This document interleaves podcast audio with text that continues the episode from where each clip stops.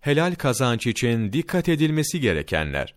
İbn Zübeyir, Cabir radıyallahu anh'tan naklen Resulullah sallallahu aleyhi ve sellemin şöyle buyurduğunu anlattı. Ey insanlar! Sizden her biriniz rızkını tamamlamadan ölmeyecektir. Rızkınızın geç kalacağını sanmayınız. Allah'a karşı takva sahibi olunuz. Rızık teminini helal yoldan yapınız.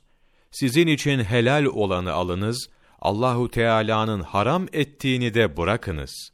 Bir kimse kazancının helal olmasını dilerse şu beş şeye dikkat etmesi gerekir. 1. Kazanmak endişesiyle Allah'ın farz kıldığı ibadetlerin hiçbirini terk etmemeli, onları noksan yapmamalıdır. 2. Kazanç için Allahu Teala'nın yarattıklarından hiçbirine eziyet etmemelidir. 3.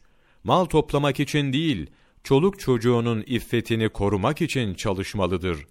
4. Çalışmada kendini haddinden fazla yormamalıdır. 5. Rızkını çalışmaktan bilmemeli, Allahu Teala'dan görmelidir. Çalışmayı rızık için tek sebep saymamalıdır. Resulullah sallallahu aleyhi ve sellemin şöyle buyurduğu rivayet edilmiştir. Bir kimse haram yoldan kazandığı parayla sadaka verir, akraba ziyareti yaparsa veya Allahu Teala yolunda harcarsa bunların tümü toplanıp kendisiyle beraber cehenneme atılır. İmran bin Huseyn radıyallahu an şöyle demiştir. Allahu Teala bir kimsenin faiz, rüşvet, haksızlık, aldatma ve hırsızlık yolundan elde edilen parayla umre, cihat, sadaka, köle azadı ve nafaka şeklinde yaptığı ibadetleri kabul buyurmaz.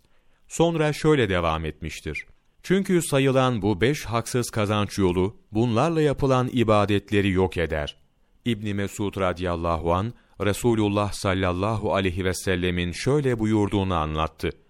Bir kul haram malı çalışma yoluyla temin etmez ki sadaka verip ecir alsın. Sadaka veremez ki kendisi için bereketli olsun ve o haram maldan geriye ne bırakırsa kendisi için sadece cehennem ateşini arttırmış olur. Allahu Teala kötülükle kötülüğü yok etmez. İyilik kötülüğü imha eder. Ebu Leys Semerkandi rahmetullahi aleyh Tembihül Gafilin sayfa 528 533 25 Temmuz Mevlana takvimi